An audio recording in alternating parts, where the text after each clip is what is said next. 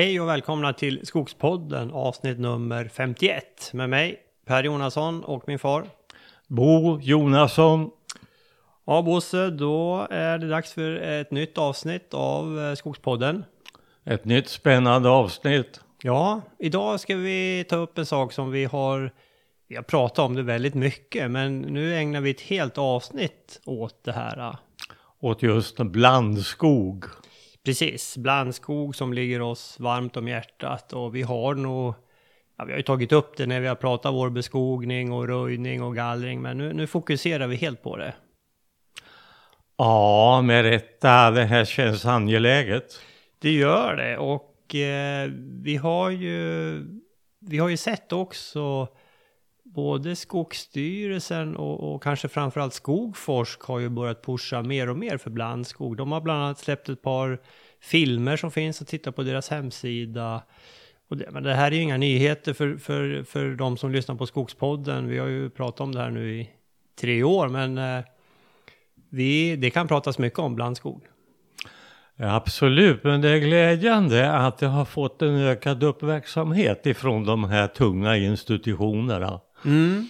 Jag tänker på Skogforsk och Skogsstyrelsen. Absolut.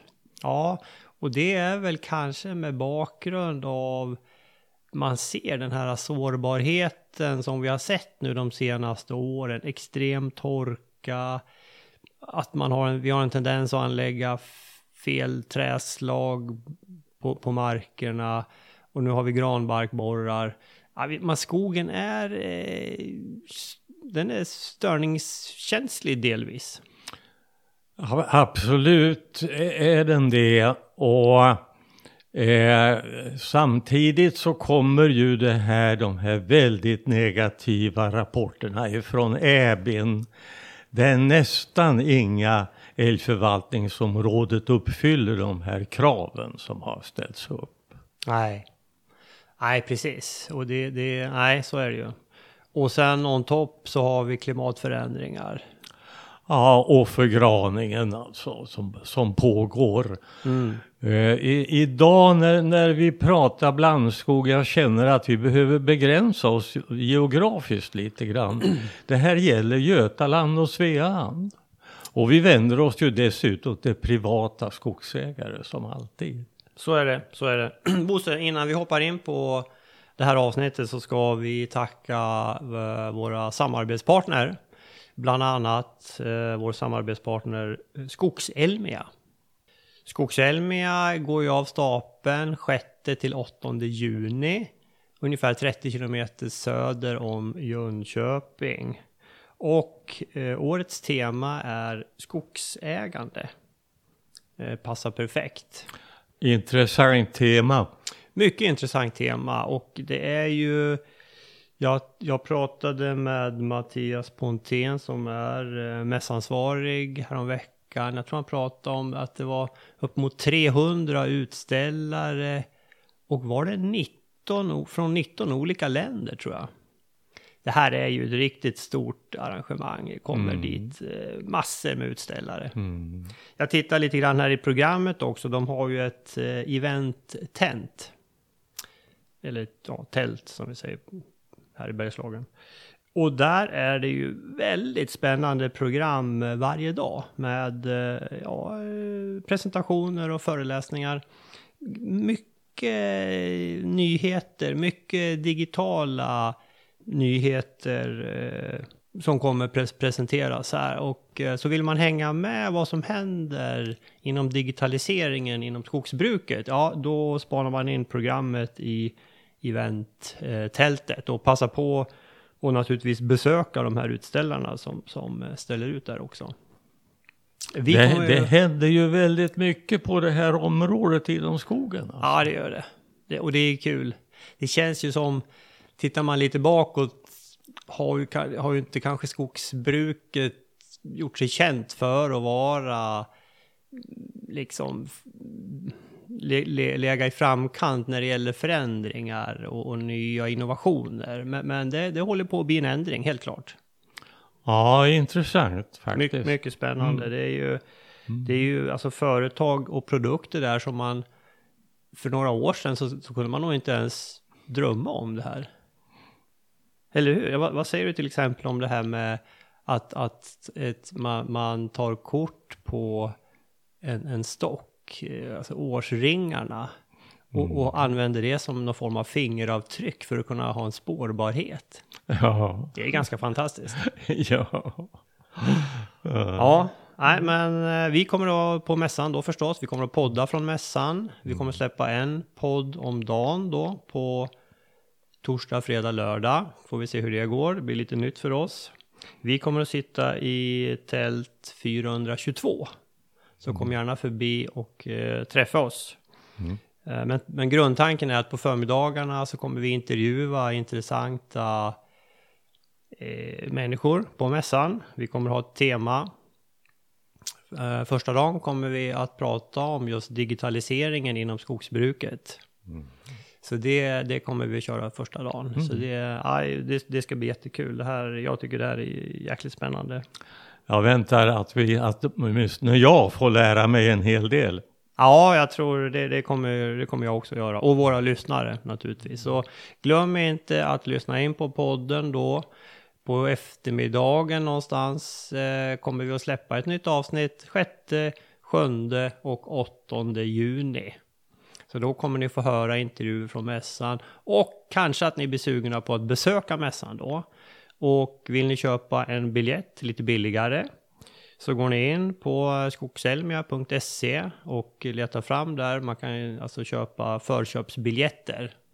Och anger ni kod, koden Skogspodden med stort S så får ni köpa en biljett för 200 kronor istället för det normala förköpspriset som är 240 kronor. Köper ni en biljett på plats så kostar det 300 kronor. Eh, undvik det, utan eh, gör ett förköp med vår kod, Skogspodden, så kommer ni billigare undan. Så kan ni lägga pengarna på grejer på mässan istället. Ja, vi ses där. Eh, sen ska vi också tacka Föreningen Skogen, som är också en samarbetspartner till oss.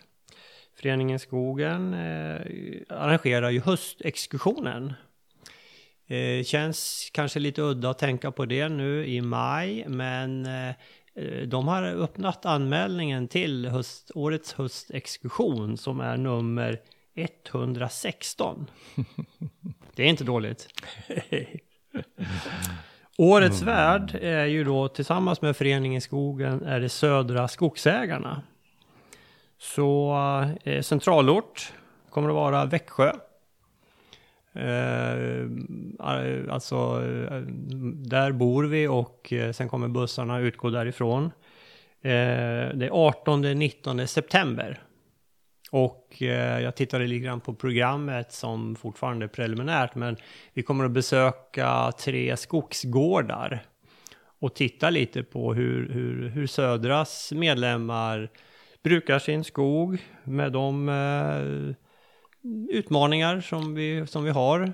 Hur, hur ska vi hålla uppe lönsamheten? Hur ska vi göra det här klimatsmart? Och så vidare. Temat är ökad skogsproduktion i familjeskogsbruket inom ramen för ett hållbart skogsbruk. Hur då? Mm. Ja, det där kan Vad bli intressant. mycket, mycket intressant. Är man medlem i Föreningen Skogen så har man 350 kronor i rabatt eh, för höstexkursionen. Mm. Så det är inget att tveka på. Skogspodden kommer att vara där. Jajamän. Räkna med oss där. Bra Bosse, då hoppar vi in på blandskog. Ja, då är det blandskog som gäller en stund framöver. Eh, Blandskog som vi känner mycket för och som vi ägnar mycket uppmärksamhet i skogen. Eh, Vi har hållit på med det här i, ja det är i alla fall, det växte fram under 1990-talet, de här. Och vi eh, trevade oss fram lite grann i början men eh, vi har hittat, tycker jag, modeller för det här som är väldigt uppmuntrande. Resultaten är, är, tillfredsställer oss. i väldigt hög grad. Alltså. Mm. Men jag ska säga som jag började säga tidigare här att vi vänder oss ju till privata skogsägare. Våra metoder passar troligtvis inte alls i det storskaliga skogsbruket. Och, och här när vi pratar blandskog så gäller det Götaland och Svealand också. Ja. Det vore förmätet att eh, ha synpunkter på hur man ska anlägga blandskog i Norrbotten. Mm. Eh, eh, eh, men, men i- övrigt alltså en, en del av det här gäller ju vä- väldigt generellt. Ja. Eh, men varför ska man ha blandskog då? Finns det några fördelar? ja, precis vad jag tänkte fråga. ja. Vi ser om vi har något svar på det. Ja. Ja, nej, men eh, som första punkt där har vi att blandskogarna är stabilare. Eh, de klarar storm bättre än vad rena granskogar gör. Eh, när vi har, gör de här jämförelserna så är det ju alltså blandskog jämfört med ren granskog. Eh, ren granskog har ju nästan blivit normen i stora delar av Sverige nu. Det planteras förskräckligt mycket granskog alltså. Ja, fast vi, vi, vi vill ju... Ja, man, kan, man kan ju jämföra det mot en, en, en, ett rent tallbestånd också. kan man göra. Eh, vi, vi försöker ju undvika helt att anlägga monokulturer. Utan mer eller mindre inblandning av det andra träslaget. Alltså barrblandbestånd blir det med inslag av björk framförallt och eh, viltbetesväxter också. Mm. Mm. Ja. Mm, mm. Eh, ett skäl här eh, när det gäller eh, blandskog det är ju det att bra gran det kan produceras i stora delar av Europa. Eh, det är inga konstigheter. Medan bra tall då är man hänvisad till de norra delarna. Eh, förgraning pågår verkligen i Sverige och har gjort det nu i snart, ja det är 30-40 år. Mm. Och eh, det, det, det, det kommer att medföra en, i framtiden en brist på tall. Ja. Det verkar helt uppenbart. Ja. Eh, tallarna som blandas in i ett granbestånd de minskar risken för rötspridning mellan granarna. Eh, för att eh, rötspridning i ett granbestånd sker ju genom s- sammanväxning av rötter av gran. Mm. Men står det då en tall i vägen så blir det jobbigare för de här granarna att hitta förbindelser. Ja. Den, den eh, naturliga och traditionella skötseln av bland, barrblandskogar det är ju en minskad andel under eh, beståndets liv. Så att det kan sluta i att det blir ett rent tallbestånd. Det kan göra det, men det är ju ingalunda nödvändigt. Utan det här är ju ägarens val. Ja. Men eh, eh, rena, rena tallbestånd av, av gamla tallar, det, det är en, eh, en vacker och eh, eh, i många fall eh, ekonomiskt tilltalande beståndsform. Mm. Mm. En timmerställning som sen övergår i ett, eh, en fröträdställning. Ja, just det. Mm. Ja, nej men det finns ju ett antal fördelar. Jaha, Eh, ja. Och, och, men nackdelarna, om vi säger så här, alltså varför är det inte fler som gör det? Ja, jag ska ta eh, en fördel till, eh, nämligen det att tallens kvalitet i blandning med gran, den blir bättre än i rena tallbestånd. Ja. Eh, en gran skuggar tallstammen väldigt effektivt och gör att kvisten dör av tidigare. Mm. Mm. Eh, En, en sak som, som eh, ja, du, du sa något. Du började säga. Ja, det finns ju många fördelar och, och du har ju räknat upp några. Ja, men, men, det finns ju kanske varför folk drar sig för att göra det här. Det är ju alltså jobbigare att anlägga ett barrblandbestånd än en ren monokultur. Mm. Eh, det är eh, lätt att lägga in ett arbetslag som planterar 2500 granplantor per hektar, punkt och slut. Och granskogen är i många avseenden lättskött. Ja. Det kan man ju inte säga om ett barrblandbestånd att det är direkt. Mm. Det kräver eh, lite extra omtanke. Vilka träd ska vara kvar? Vilka träd ska vara kvar till slutavverkningen? Mm. Mm. Och mm. även i, ja precis, i röjningsfasen, man får tänka till lite extra. Ja. Mm. Eh, det är värt att påpeka här att vi har egentligen väldigt begränsade kunskaper om vilket av de här två träslagen, tall och gran, som producerar bäst. Det vill säga, det finns ju självklara ytterlighetsfall där det ena eller andra träslaget. Men alla dessa mellanmarker vi har, vi har faktiskt en inte riktig kunskap om det här. Det finns inte i Sverige. Nej, Nej det, det är precis bra att du tog upp det. Vi, vi pratade ju med Thomas Lundmark här eh, en knapp månad sedan när vi intervjuade honom och när vi hade intervjuat klart så, så pratade vi lite grann om det här. Mm. Och han säger ju det att, ja, man, precis det du säger, man, man vet inte riktigt på mellanmarkerna vilket träslag producerar bäst. Nej, och det är ju märkligt att det är så. Ja, och nu, han berättar ju också att det pågår ju, eller startas upp ganska mycket försök kring det här för att eh, reda ut det. Mm. Men eh, mm. slutsatsen blir ju naturligtvis här att man, man ska ha både och. Annars, eh, utvecklingen i, i Svealand och Götaland, den går egentligen mot mindre variation i skogen. Det blir monokulturer. Mm. Eh, planteringen har ökat väldigt kraftigt på senare år. Och alltså eh, ungefär 80 procent av den areal som beskogas beskogas med plantering numera. Mm. Ja, vi har ju pratat om det här med hur alltså, frötallarna håller på att försvinna. Och frötallarna försvinner. Och, och frötallarna har varit ett, ett väldigt fint inslag i skogsbilden. Mm. Eh, vackert och ändamålsenligt. Mm, mycket. Eh, vi har här eh, konsekvent på senare år ställt fröträdställningar även där vi ska så och plantera. Ja.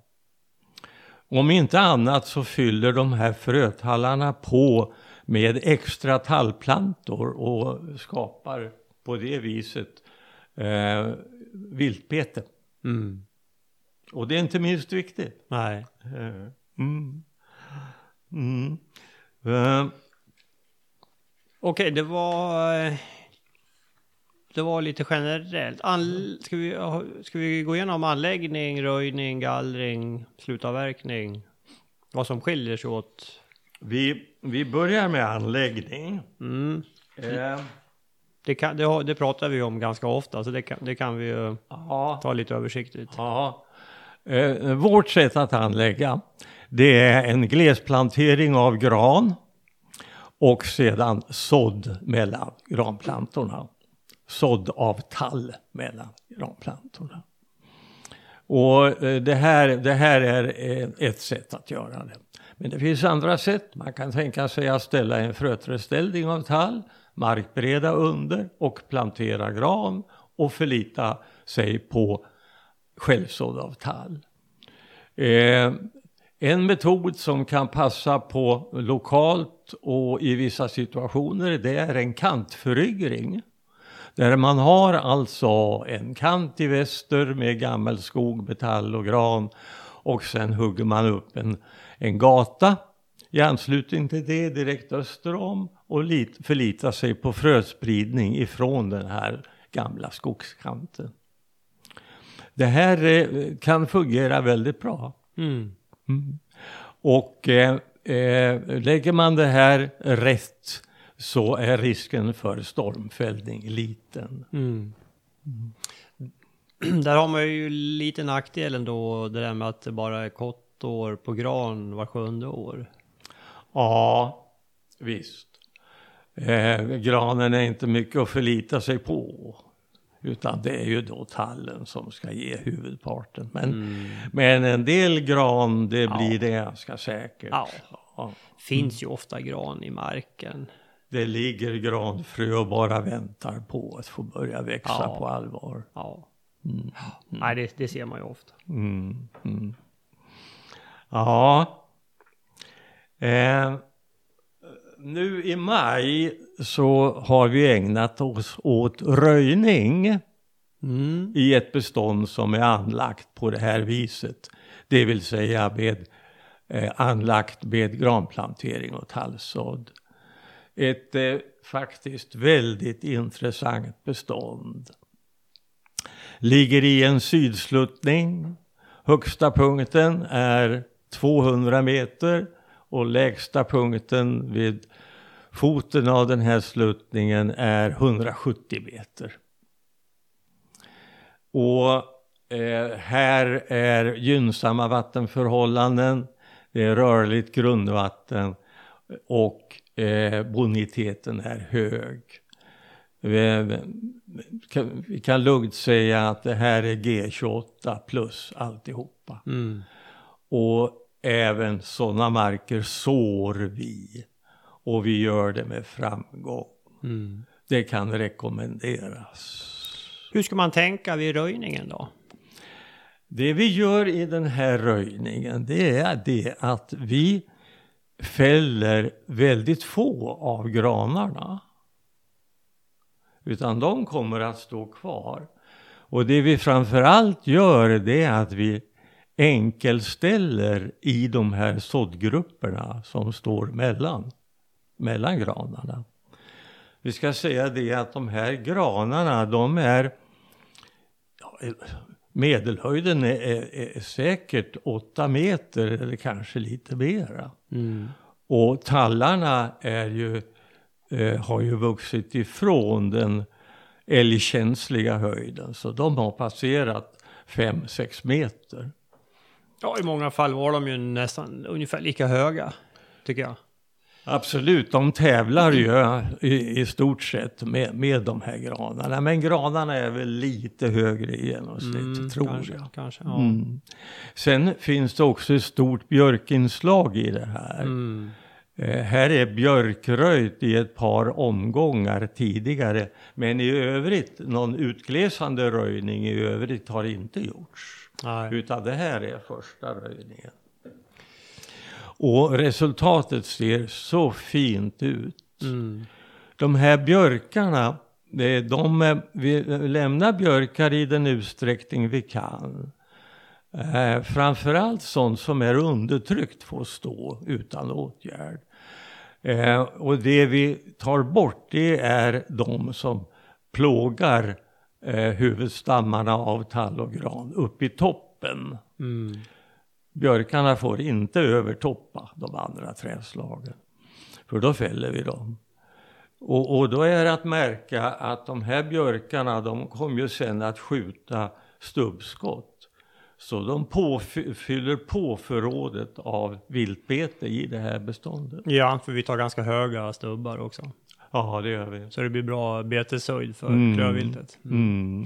Men det, det här med liksom stamval, för jag menar, det är ju nu man formar mycket av den blivande skogen.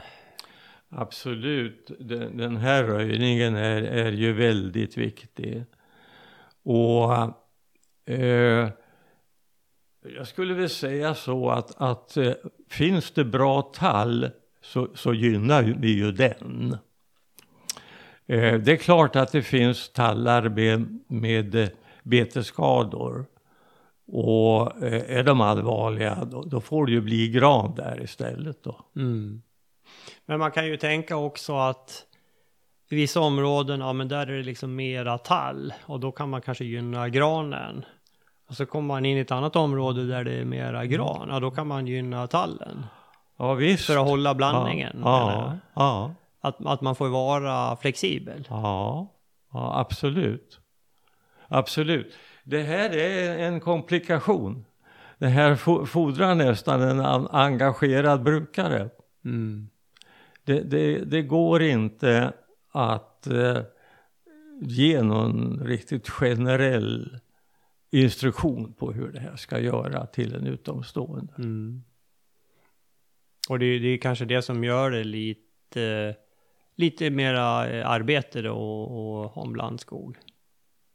Men man har igen det i den, arbets, i, den tillfredsställelse som man kan få av, av synen av ett sånt här bestånd.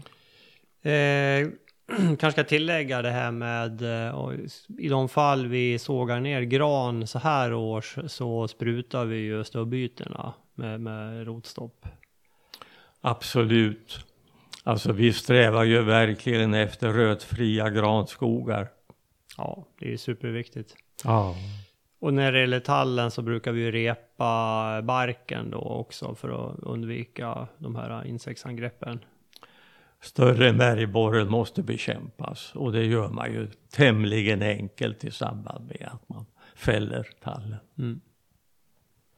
Eh, Eh, I det här beståndet har vi vid ett tidigare tillfälle gjort faktiskt en, en uppmätning eller en räkning av eh, eh, tall och gran och björk.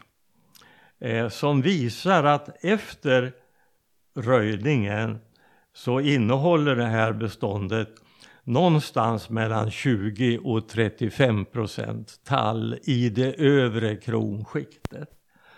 Och 60 till 70 procent gran också i det övre kronskiktet. Och ungefär 10 procent björk. Mm. Så att det här blir, eh, vi skulle gärna ha en lite större andel tall, det skulle vi visst det.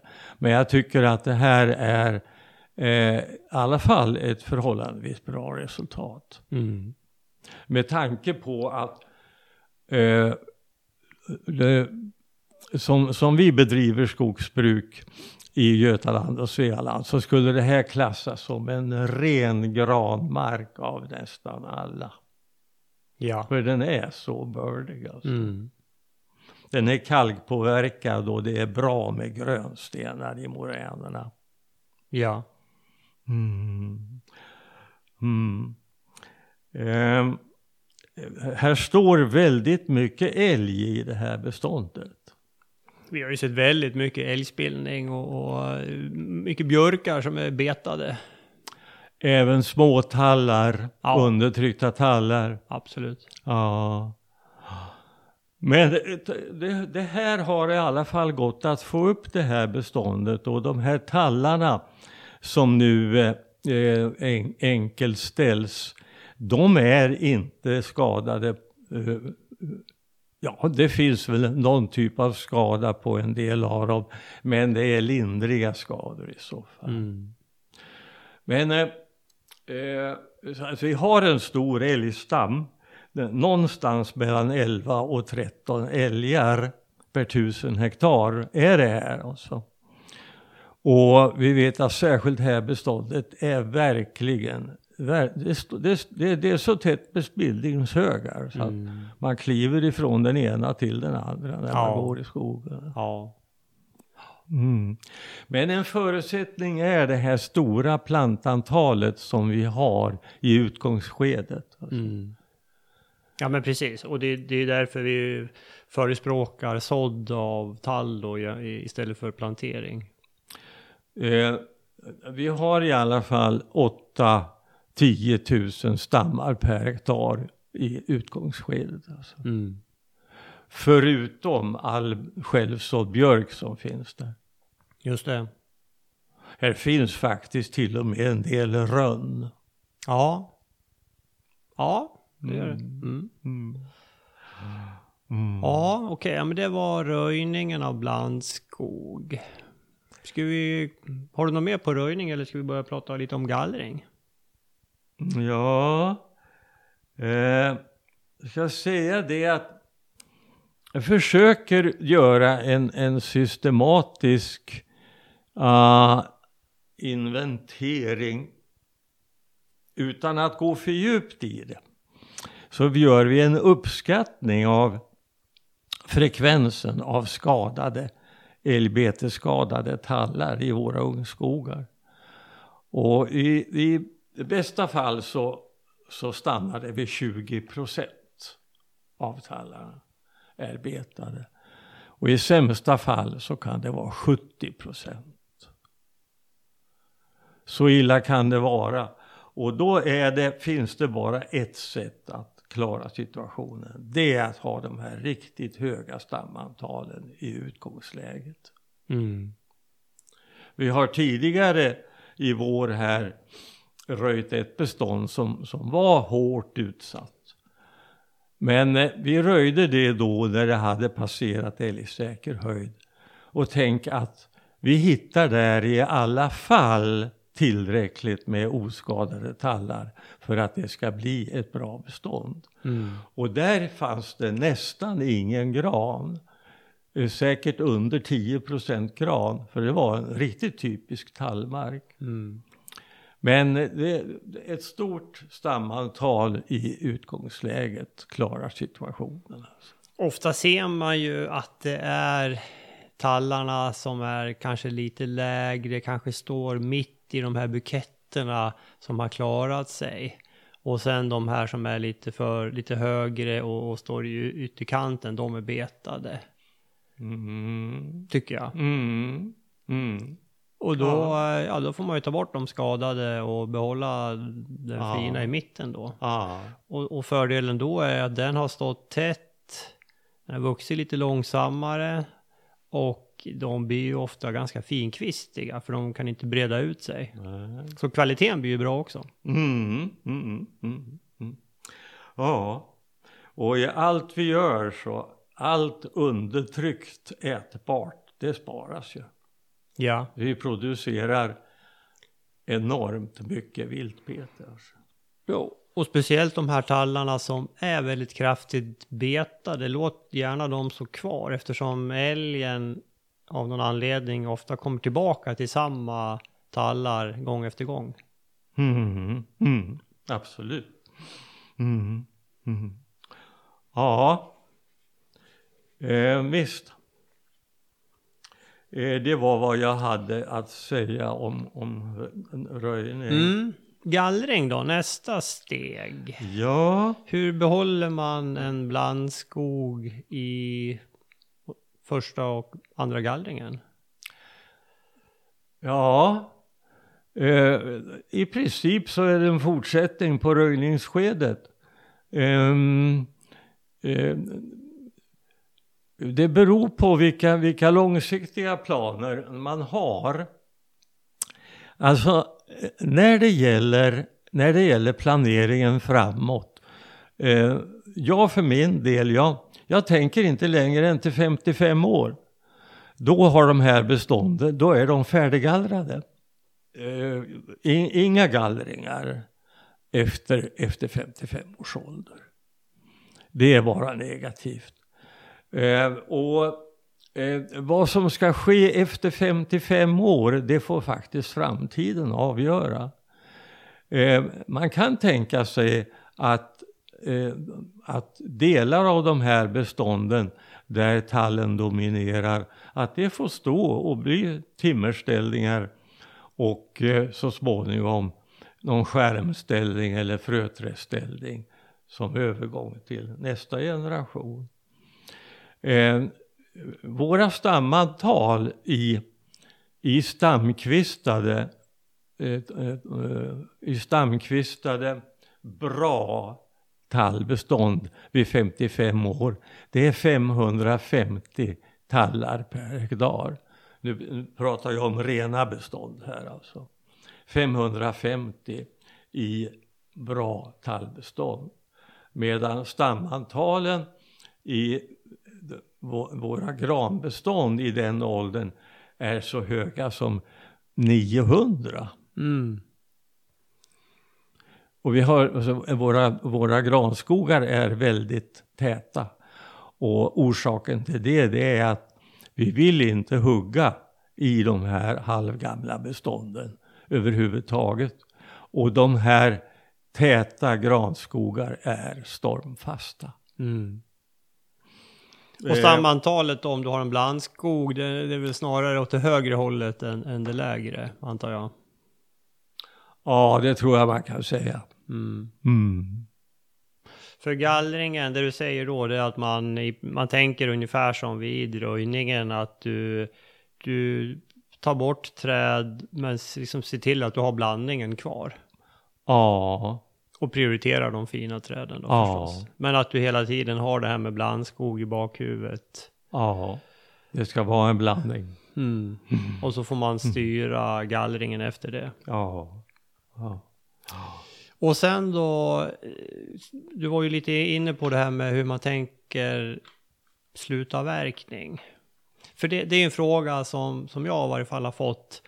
Hur tänker ni på slutavverkning? Och eftersom granen generellt har en, en kortare livscykel än tallen. En gran kanske du avverkar vid 70, 80 år. Ja, det kan ju vara lägre också. Medan tallen kanske du vill ha till 100. 110. Ja. Ja. Nu har, nu har inte vi gjort det, men hur, hur, hur tänker vi där? Vi bör ju ha en plan för det. Man kan ju tänka sig att man hugger bort granen Ja. och sen står tallen där. Så man får göra det i två omgångar då. Som kan bli dyrt. Så det kan bli dyrt om man har alltså flyttkostnader för maskiner Mm. och dylikt.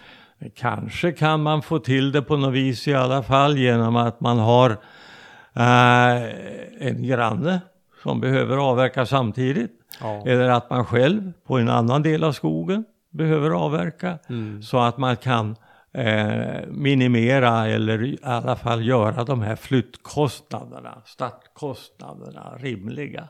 ja. För då skulle man gå in med maskiner, avverka gran och björk.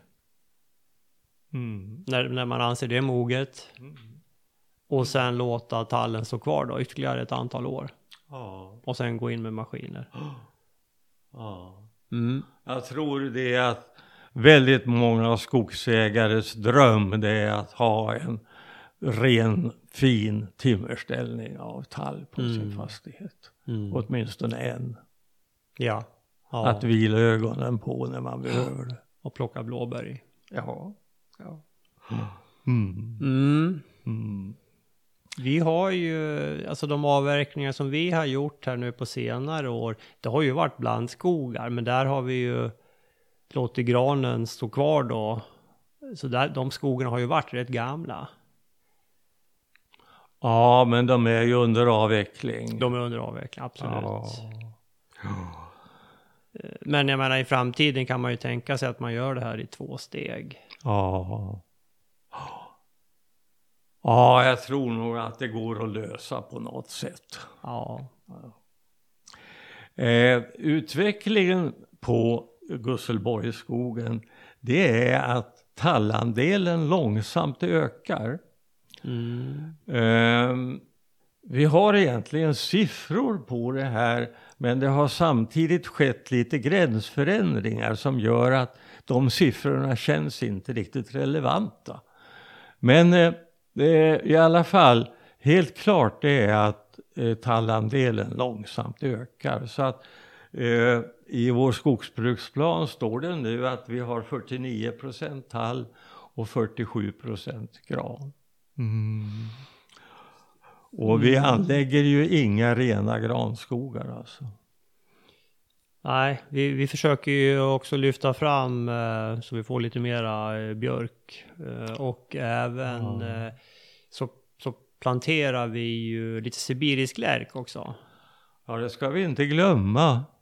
Det, det är väldigt, väldigt små ytor, men det, det är i alla fall det är prydnad i skogen. Alltså. Och det, jag tror vi, det kan vi nog öka lite grann också. Mm, skulle vi kunna göra. Ja. Mm. De brukar ju bli rätt betade har vi ju sett. Ja. Tyvärr.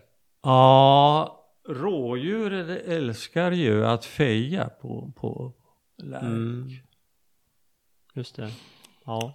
Eh, de här röjningarna som vi har gjort nu här i maj månad.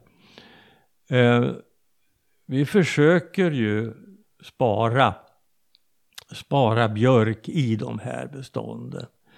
Men det är väldigt få björkar som inte är allvarligt betesskadade. Alltså. Mm. Vi hade ju ett parti igår, eller var det förrgår, eh, när vi röjde, där det var lite, lite fuktigt. Och, så där, där prioriterade vi ju mm. björken. Där fanns ju en hel del fina.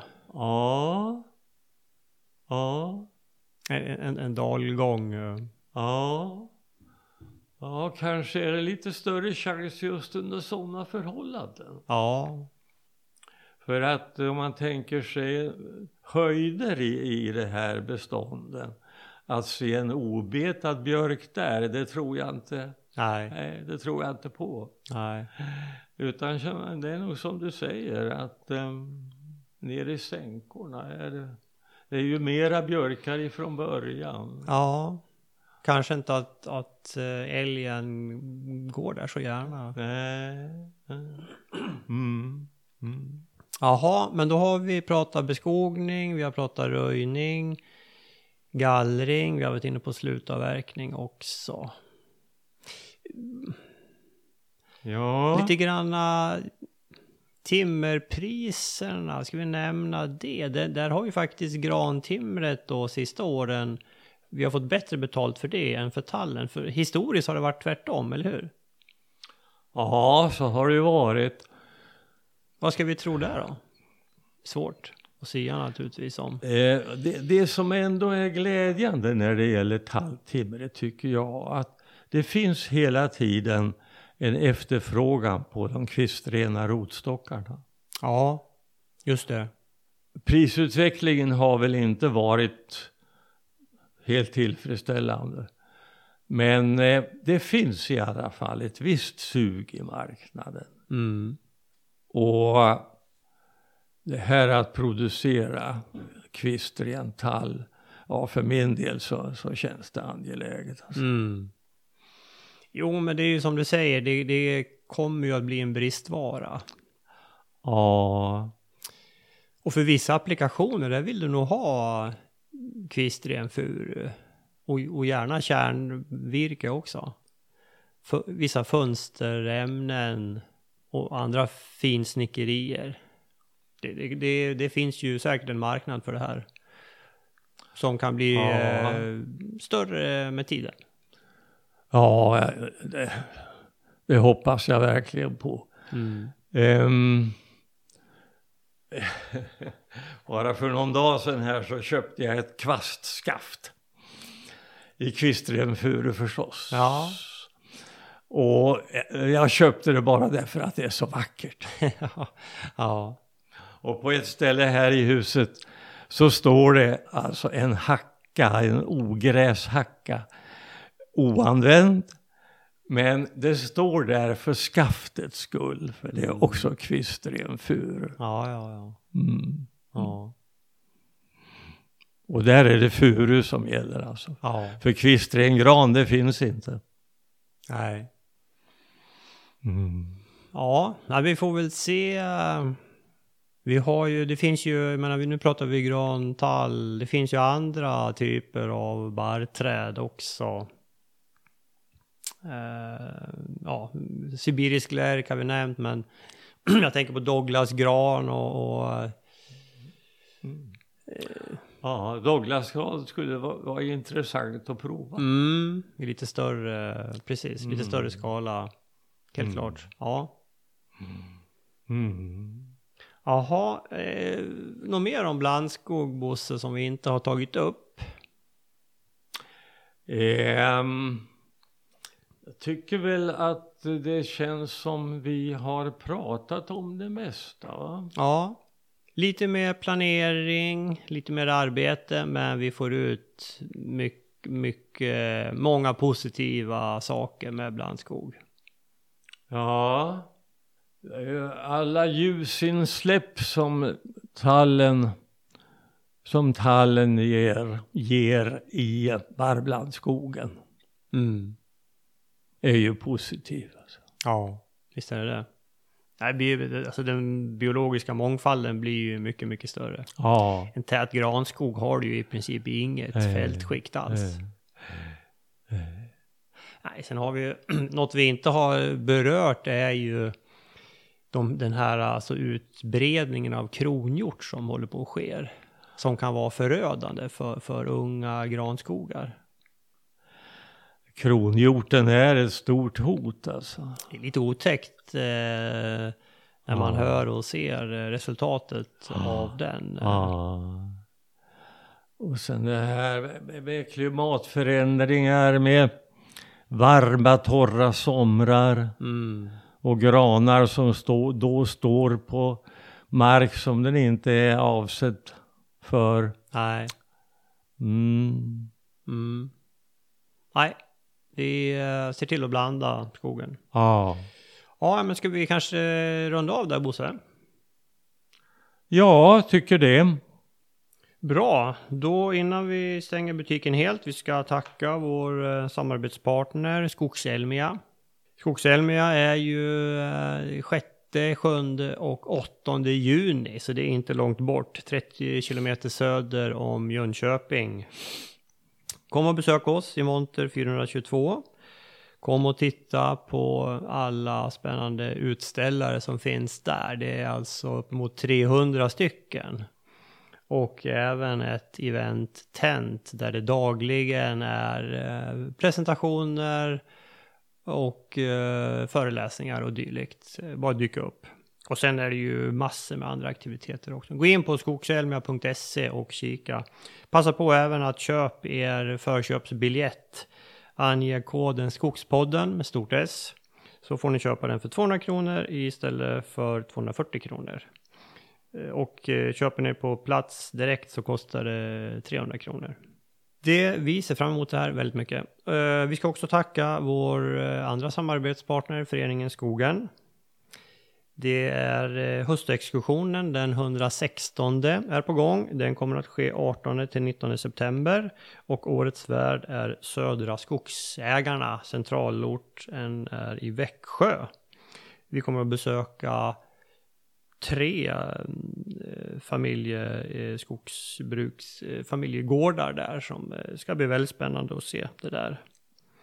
350 kronor i rabatt om ni är medlemmar i föreningen Skogen. Inget att tveka på. Bra, då så Bosse. Då, du, vi, har glömt att nämna en sak. Jaha. Vi har ju spelat in en film eh, om eh, blandskog. Mm. Mm. Den kommer snart att finnas på eh, vår kanal på YouTube. Eh, där visar vi lite grann på beskogning och vi visar på det här röjningsbeståndet som vi har pratat om i podden. Visar vi lite grann hur det ser ut också. Så det kan vara ett komplement till podden då. Eh, om ni går in på YouTube och eh, söker på Skogspodden så hittar ni vår kanal där och eh, klickar ni på det här lilla röda markeringen på höger sida så då prenumererar ni på då får ni en liten notis när vi släpper ny film där då. Eh, inte så jätteofta men vi 10-15 filmer finns där. För den som eh, har tröttnat på eh, Game of Thrones har väl tagit slut nu har jag läst i tidningen. Kan man titta på det här istället. När det gäller skogens hö- höstexkursion i september så tror jag ju att det blir en väldigt intressant tillställning. Alltså. Det tror jag med. Södra har ju, tycker jag, steppat upp sig de senaste åren. Eh, De, de gör sin röst hörd, säger mycket bra saker. Göran Ölander är ju jäkligt duktig. Han låter så klok. Ja, visst gör han det. Han kommer ju vara moderat kommentator tillsammans med Monica Stridsman som också är jäkligt duktig på att moderera det här. Och Bengt Ek kommer att ta hand om politikerdebatterna, för det är politiker inbjudna också. Ja, södra... Högaktuellt ämne alltså. Visst är det det. Hur ska vi öka skogsproduktionen i familjeskogsbruket inom ramen för ett hållbart skogsbruk? Ja, 51 000 medlemmar har Södra, så det här är ju en, eh, det här är en organisation med muskler. ja. Och de har ekonomiska muskler, de har ju så, så, så härliga industrier. Alltså. Ja, där har de lyckats bra. Mm. Eh, så har det inte alltid varit. De har haft, eh, historiskt eh, har de haft en del ekonomiska problem, men nu går det ju som tåget. Ja. Ja, det är skojigt. Mm. Eh, bra, men då säger vi på återseende. Vi eh, hoppas träffa er på Skogselmia. Det här var ju avsnitt 51.